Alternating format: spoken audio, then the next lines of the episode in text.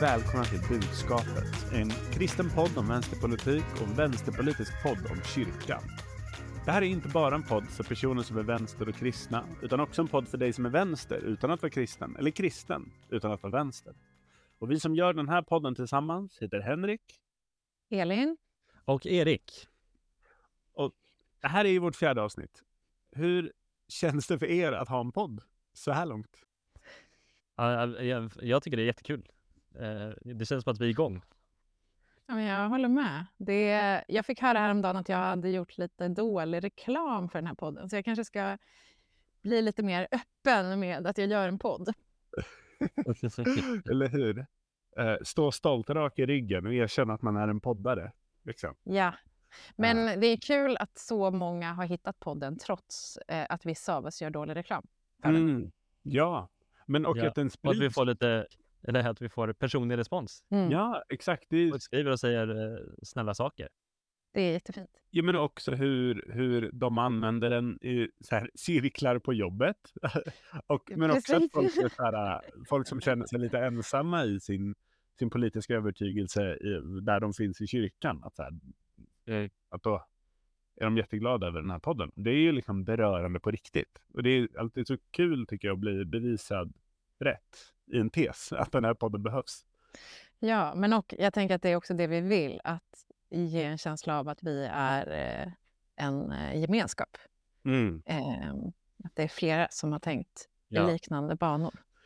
mm, precis. Och det märker vi också på, på Instagram, tycker jag. Alltså nu dyker det upp följare och folk skriver kommentarer. Det får man jättegärna göra förresten. Häng med där om du vill. Budskapet podcast heter det. Um, men idag då, detta fjärde avsnitt, så ska vi prata om begreppet religion. Hur det hänger ihop med rasism och kolonialism och vad det innebär för kristendomen idag. Och det är Elin, du ska ju dela med, sig, dela med dig av ditt budskap och dina tankar. Vad är ditt budskap idag? Mm. Mitt budskap idag är att begreppet religion är politiskt, kolonialt och rasistiskt. Och att vi behöver vara medvetna om att den protestantiska kristendomen har varit och är eh, normgivande för vad som i en europeisk kontext anses vara bra respektive dålig religion. Och eftersom vi gör en podd om kristendom och eftersom vi alla tre är uppvuxna i kyrkan så tänker jag att det är dags att vi anlägger ett kritiskt perspektiv på vår egen religion och tradition. Mm. Ehm, och ni kanske, precis som jag, har hört andra kristna säga, eller ni kanske har sagt det själv, att kristendomen är en relation och inte en religion. Jag har hört andra säga det och hånat dem för det. Jag har aldrig sagt det själv. Men Ja, ja, bra. Hur Guldstjärna kan till det vara dig. sant, Henrik?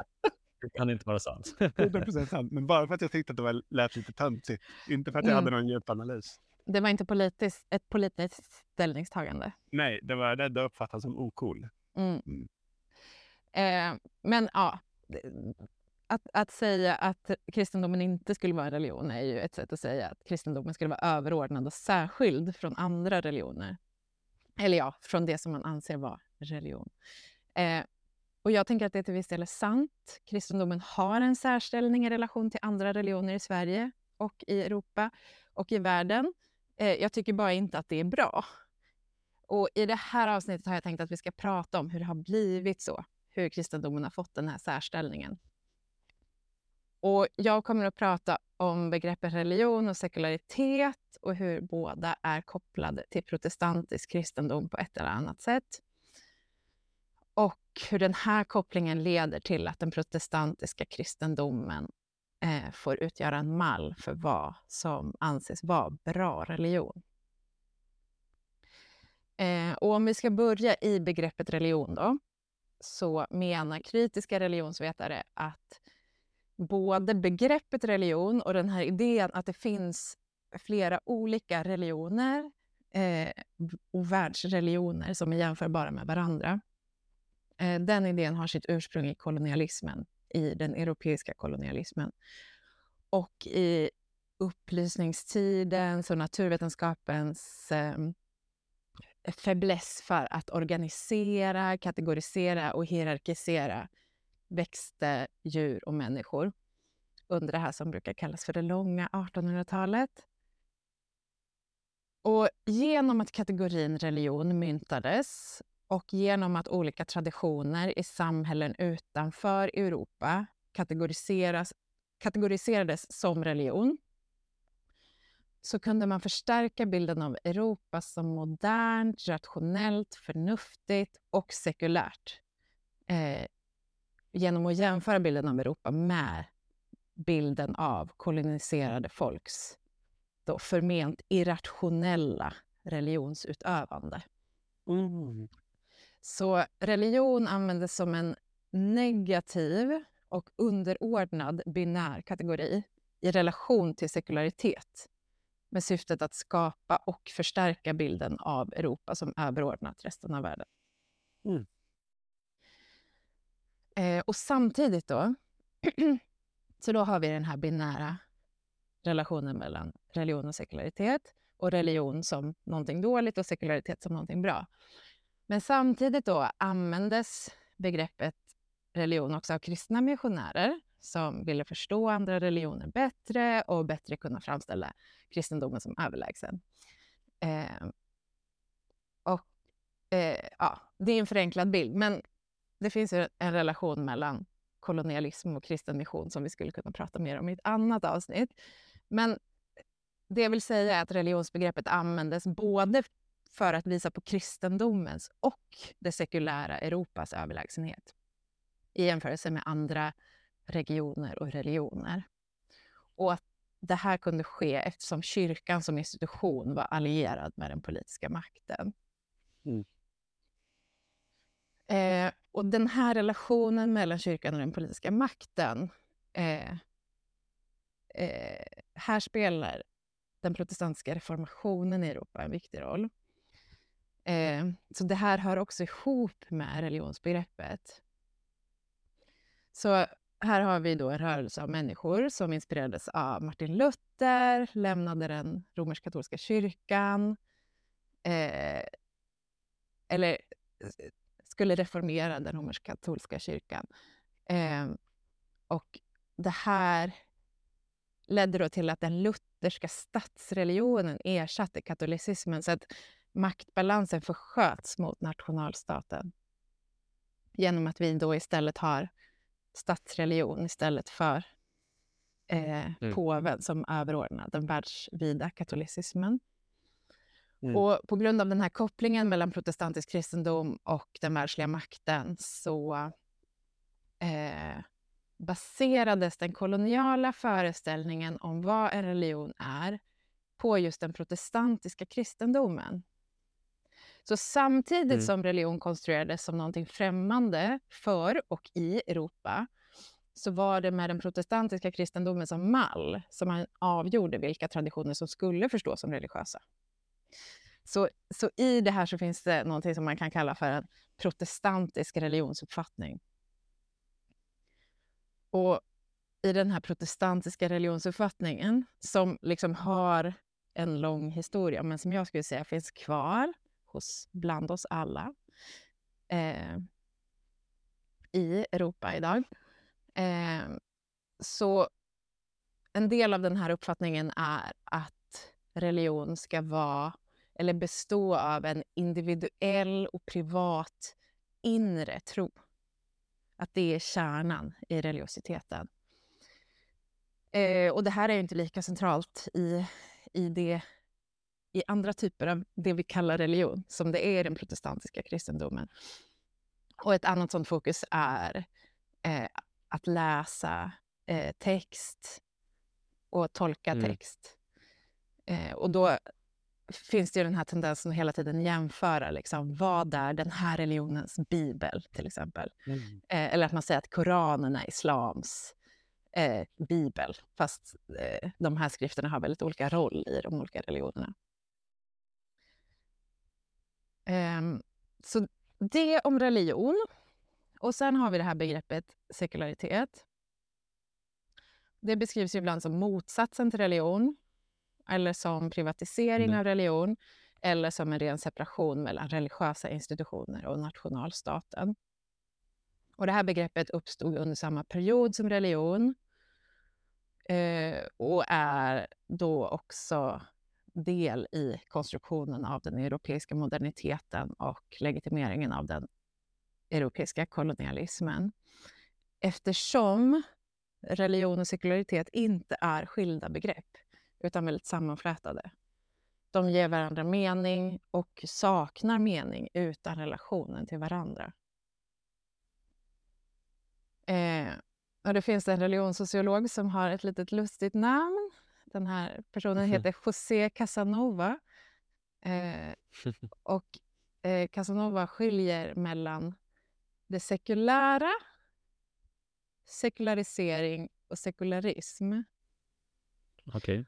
Och menar då att det här sekulära, det är det som jag har försökt beskriva, motsatsen till religion. Eller det här, liksom, den här kategorin som har konstruerats som en motsats till religion. Mm. Och sekularisering är då uppfattningen av en historisk process. Och sekularism, det är det här jag tycker är intressant. Sekularism är en världsbild och en ideologi Mm. Mm. eh, enligt vilken eh, religion är någonting dåligt. Eller enligt vilken det finns bra och dålig religion. Vilket jag strax Mm, ska komma mm. till. Så genom den här uppdelningen som eh, Casanova gör så kan vi förstå hur vår förståelse av det sekulära och av sekulariseringsprocessen påverkas av sekularismen som ideologi. Och hur den ideologin är influerad av protestantisk kristendom. Och många menar då att den här normativa sekularismen, eh, Mm. alltså ideologin, som påverkar vilken plats religion får i Europa, eh, eftersom den utvecklades i relation till kristendomen så är den också formad av den. Så eh, då kan man säga att sekularism inte, eller det sekulära är inte synonymt med avsaknad av religion, utan snarare närvaron av en viss form av religiositet. Den protestantiska kristendomen. Och Casanova beskriver det här som en dubbel historisk paradox eftersom det sekulära uppstår som en särskild protestantisk kristen teologisk kategori medan det religiösa å andra sidan är en produkt av den västerländska sekulära moderniteten. Ja, det är lite krångligt, men de hör ihop och har skapat varandra och har skapats liksom, i relation till varandra. Det har hävdats att själva idén om en sekulär sfär och en religiös sfär uppstod i en kristen tanketradition och att Martin Luthers tvåregimentslära förstärkte den här uppdelningen i lutherska länder, till exempel i Sverige. Då. Men, kan, kan du inte bara förklara snabbt vad eh, två regementslära Ja, är? absolut. Eh, det är ju en idé om att det finns två sfärer eller två regement Mm. eh, som Gud regerar i. Det andliga och det världsliga. Just det. Mm. Ja. Ehm, och efter reformationen blev det möjligt för statens överhuvud att också bli kyrkans överhuvud i den specifika nationen. Eh, till skillnad från hur påven då är överhuvud för hela den världsvida katolska kyrkan. Så protestantiska former av sekularisering bygger på idén att den religiösa institutionen och staten var förenade en gång och nu är, eller bör vara, åtskilda. Mm. Och nu, nu kommer jag till det här med eh, uppfattningar om vad som är bra och dålig religion. Genom att sekularismen är färgad av en protestantisk religionsuppfattning så accepteras protestantisk kristendom och andra former av religion som liknar den protestantiska kristendomen och Mm. fokuserar på en privat inre tro snarare än religiös praktik. Till exempel, de här accepteras då i sekulära samhällen och kan bli en integrerad del av dem. Medan andra former av religion istället blir Mm. väldigt synliga och uppfattas som problematiska. Så därför kan man säga att den här europeiska normativa sekularismen skapar och upprätthåller en gräns som inte går mellan religion och den neutrala sekulära staten utan mellan just bra och dålig religion. Mm. Så bra religion normaliseras, blir närmast osynlig i samhället medan dålig religion ofta problematiseras och blir hypersynlig. Och i Sverige och Europa och världen idag eh, så är det ju oftast islam som blir den här hypersynliga, hyperproblematiska religionen. Ehm, men för att ta det här till liksom den svenska kontexten så beskrivs ju Sverige ibland som en av världens mest sekulära stater. Och den här uppfattningen har ifrågasatts av olika personer, bland annat på grund av hur högt medlemsantalet är i Svenska kyrkan. Eh, som är en av världens liksom, största eh, kristna samfund. Och har ju varit statskyrka fram till 2000 eh, men fortfarande har den här nära relationen till eh, den svenska staten men också liksom Mm. idén om den svenska nationen. Mm. Och jag tänker att man kan säga att den lutherska kristendomen som Svenska kyrkan representerar är så integrerad i det svenska samhället att det för eh, de flesta inte framstår som en religion. Och Mm. många av de svenskar som säger att de inte är religiösa, de tillhör ändå, de är med, betalande medlemmar i Svenska kyrkan och kanske gifter sig, låter döpa sina barn, eh, håller begravningar eh, inom den här eh, religiösa institutionen. Men de betraktar inte sig själva som religiösa. Eh, och samtidigt då, människor som firar högtider och dela, deltar i religiösa ceremonier inom ramen för andra religiösa institutioner kan uppfattas som jättereligiösa och till och med då som problematiskt mycket religiösa. Eh, att fasta under ramadan, bära hijab, eh, det blir som ett statement eftersom det bryter med den här protestantiska förståelsen av hur man bör utöva sin religion. Mm. Att det ska Mm. vara någonting individuellt och det ska vara något inre. Ehm. ja, så jag skulle avslutningsvis vilja säga att begreppen religion och sekularitet liksom skapar den här verkligheten som de beskriver. En verklighet av bra och dålig religion baserat på protestantiska religionsuppfattningar och att den här verkligheten som de här begreppen skapar är eh, en kolonial, eurocentrisk och rasistisk verklighet. Och därmed att prata om religion och att prata om det sekulära är inte neutralt, utan det är normativt. Det är mitt budskap. Mm. Wow, mustigt. Mm. Mm. Det, det det är ordet jag väljer. Jag kände att det var, det var ju jätte... Ja, gud vad innehållsrikt verkligen. Jag är så glad att du finns i den här podden. Jag känner att jag får liksom nycklar till att liksom förstå mer och mer. Och det är liksom också ett nöje med den här podden, att vi får lära oss av varandra. Tack för ditt budskap. Men Ja, va, verkligen. vad skulle du säga att det här innebär för den kristna vänstern då? För oss, Mm. den här uppfattningen. Mm. För jag kan ju se hur vi får ett annorlundaskap och kanske varför det uppfattas som extra annorlunda. Men vad, hur, hur ska vi förhålla oss till, till det här? Måste vi sluta säga att vi har en relation? Och inte en religion? Min följdfråga blir då, kan man som eh, kristen vänster hävda kristendomens eh, överlägsenhet gentemot andra religioner? Är det rätt att göra det?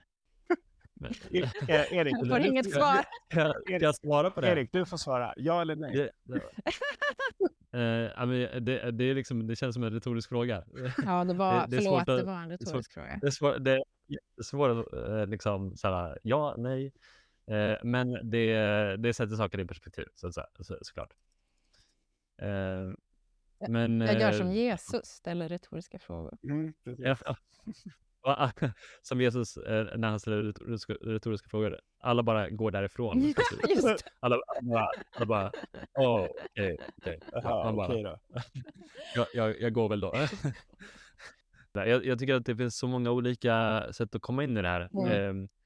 Eh, jag tänkte spontant på, för att ehm, en, en, en tanke som jag hade också, för att det finns den här eh, tanken kring folkkyrkan just i Svenska kyrkan Mm. som har varit en, en, en sorts eh, approach till, eh, antar jag också till, till hur eh, Svenska kyrkan ska vara fortsatt relevant i en tid när det inte längre är lika självklar statsreligion och det finns andra Eh, först fanns det liksom den frikyrkliga rörelsen som blev alternativ till det och sen så senaste liksom, decennierna så har fler, det blivit mer liksom, mångfald i religionsspektrat liksom, i Sverige.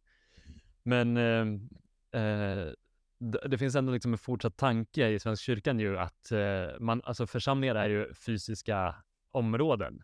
Det är det ju. Mm. Eh, det är det ju fortsatt.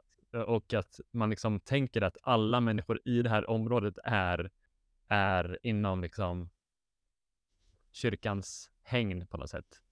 Och det, alltså, tänk om religioner som då inte passar in i, i den här pro- protestantiska idén på religi- religiositet också skulle ha den approachen Mm. eller den, Just det. det claimet liksom, i Sverige.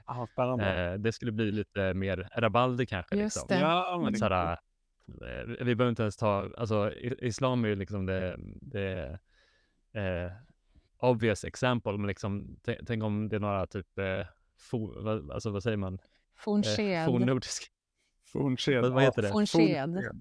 Asatroende. Ja, asatroende Ja, som bara, ja. okej, alla inom liksom det här området är liksom våra, våra, liksom, våran flock. Mm. Ja, exakt. Eh, som, Eh, det, det skulle ju eh, kanske inte alla vara helt liksom, okej med. Eller så kanske det, man tycker det är liksom trevligt att ja, men tack för att mm. alla får med i den, i den eh, församlingen också.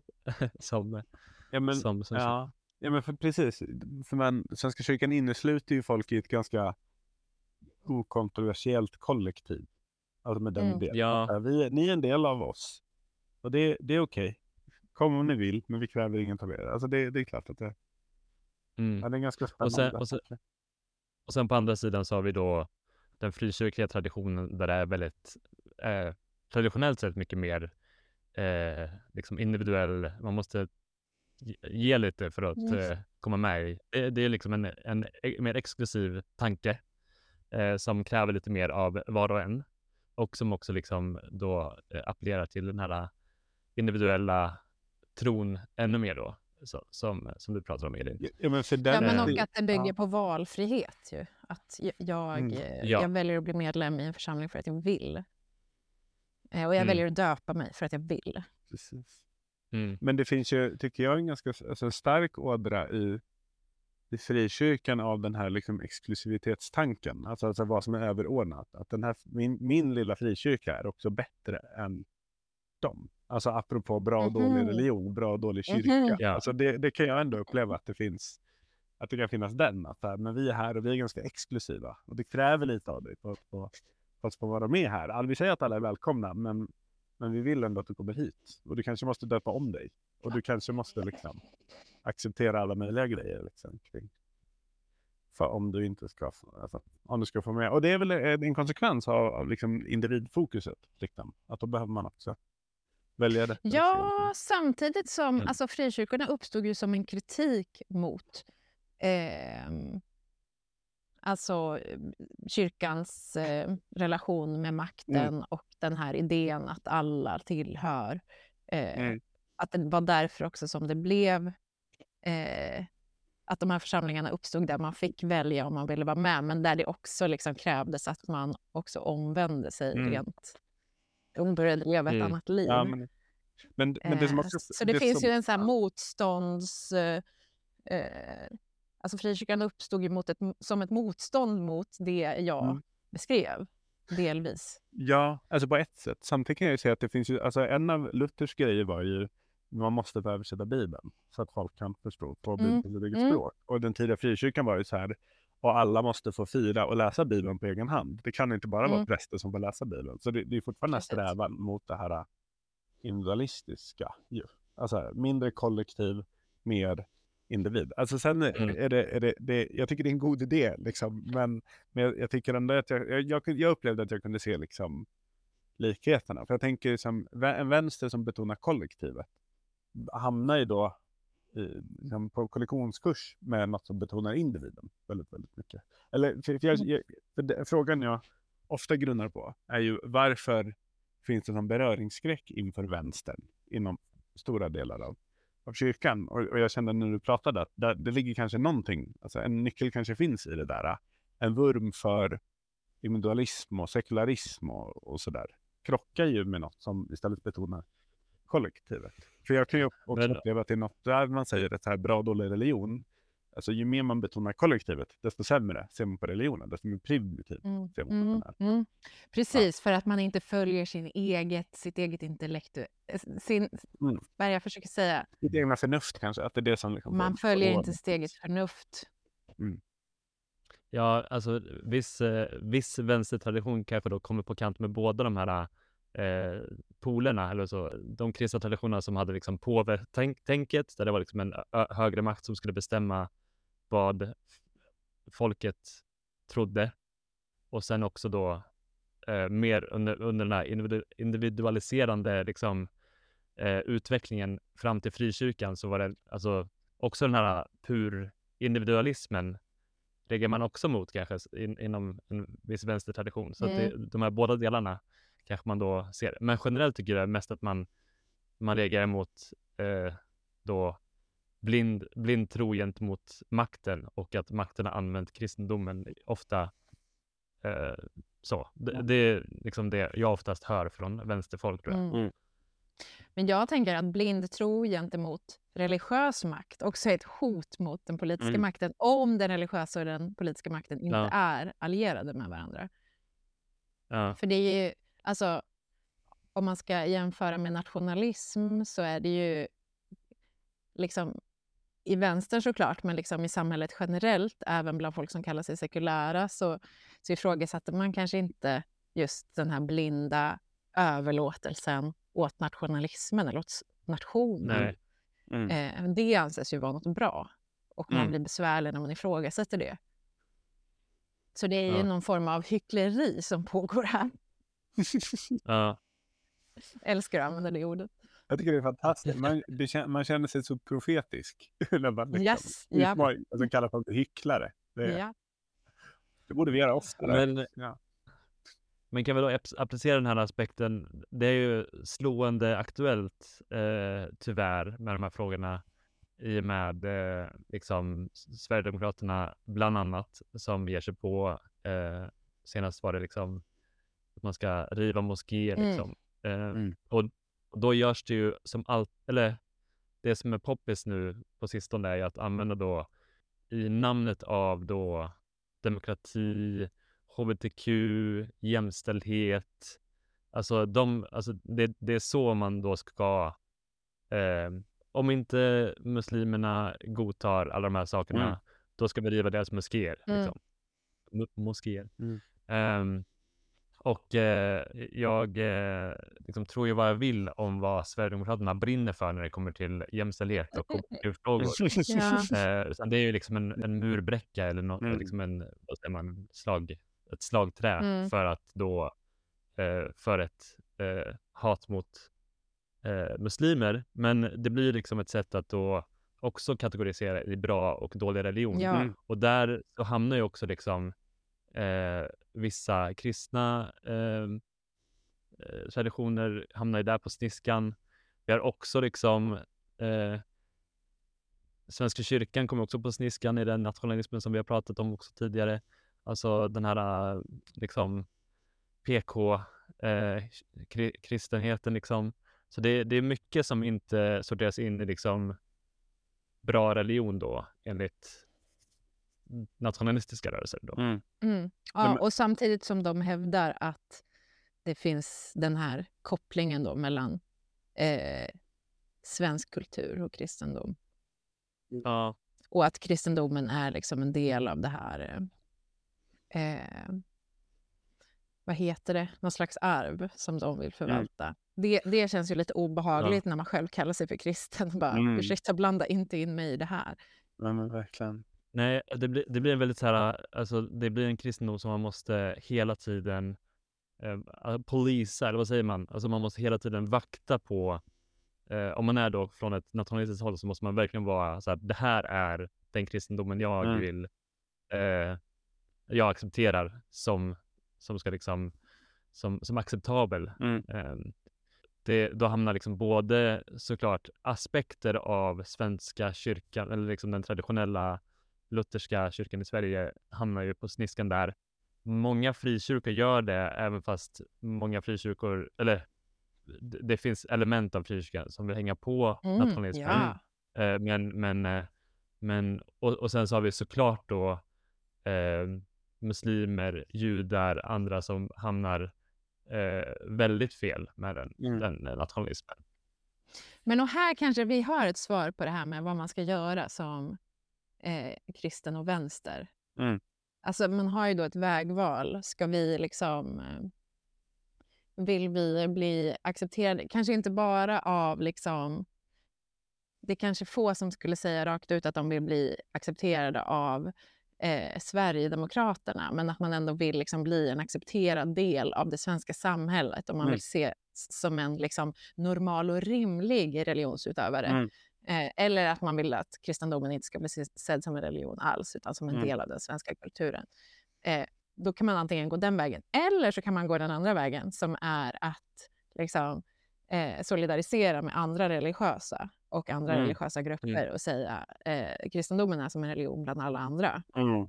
Eh, och vi tänker inte eh, låta den eh, bli ett Mm. argument eh, för nationalism och för rasism.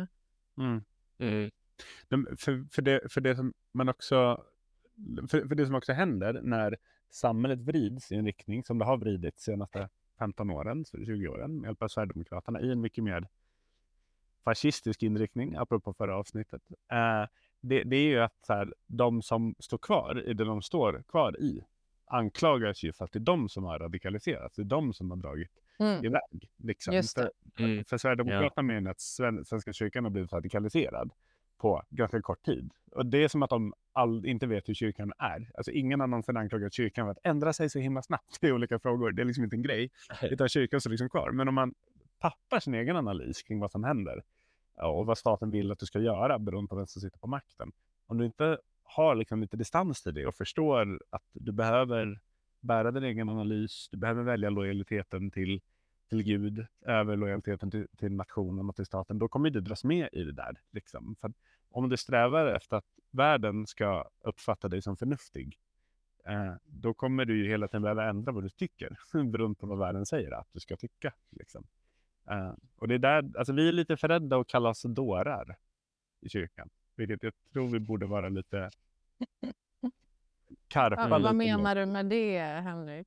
Jag menar att när Jesus säger att, att världen kommer kalla er för dårar, eh, då handlar det inte bara, tror jag, om en tro på eh, himmelriket, utan det handlar också om att våga stå fast i världen som finns och alliera sig med de svaga och de som Mm. världen säger är oönskade och de som ses Mm. som liksom, eh, kosta vad det kosta vill. Typ.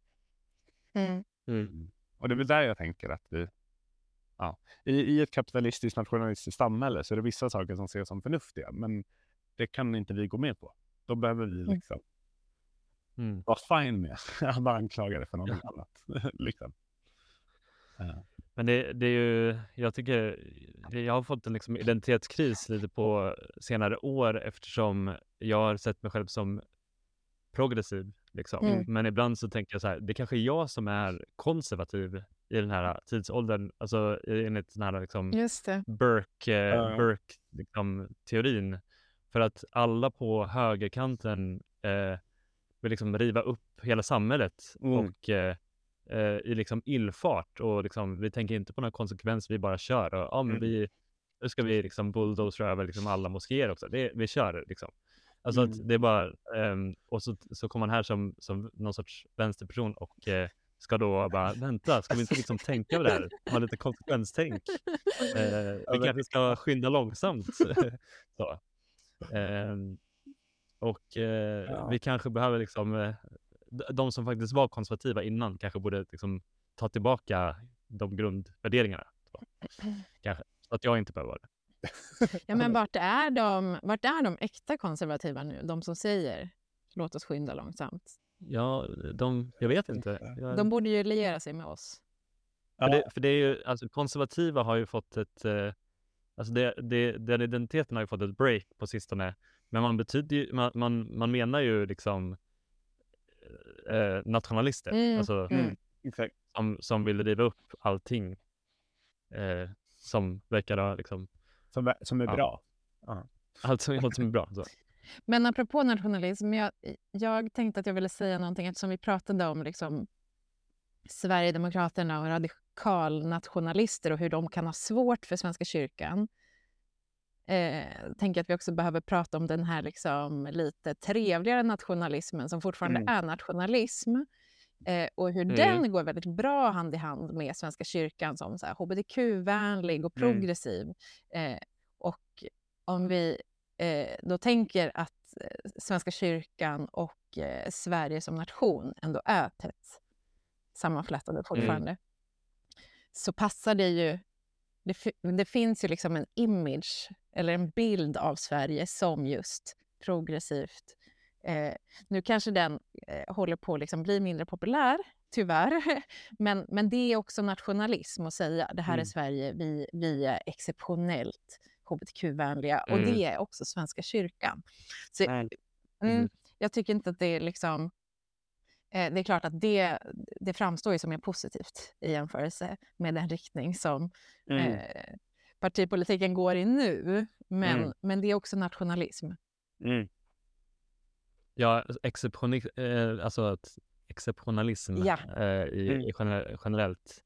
För det gör, gör en liksom blind för då eh, alla de aspekterna av, av då svensk identitet som vi inte reflekterar över då. Mm. Ja, men exakt. Och och det tror jag också gör att det blir otroligt svårt att acceptera, eller mycket svårt att acceptera, att Sverige skulle kunna göra fel och göra så här. Inte Mm. bäst i världen. Liksom. Det där är min bakgrund i mänskliga rättigheter och när, som jag pluggat och sådär. Och när man kollar på varför Sverige inte skriver under eh, förbudet mot rasistiska organisationer i, i konventionen om rasdiskriminering.